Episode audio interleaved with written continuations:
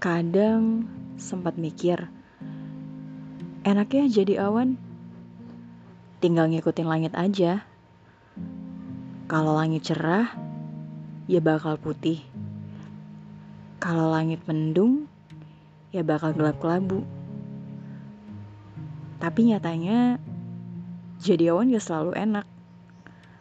Ada harap tinggi yang selalu nuntut awan. Kayak harus bisa jadi peneduh bumi di terik atau pembawa air di gersang. Gak apa-apa, emang gitu.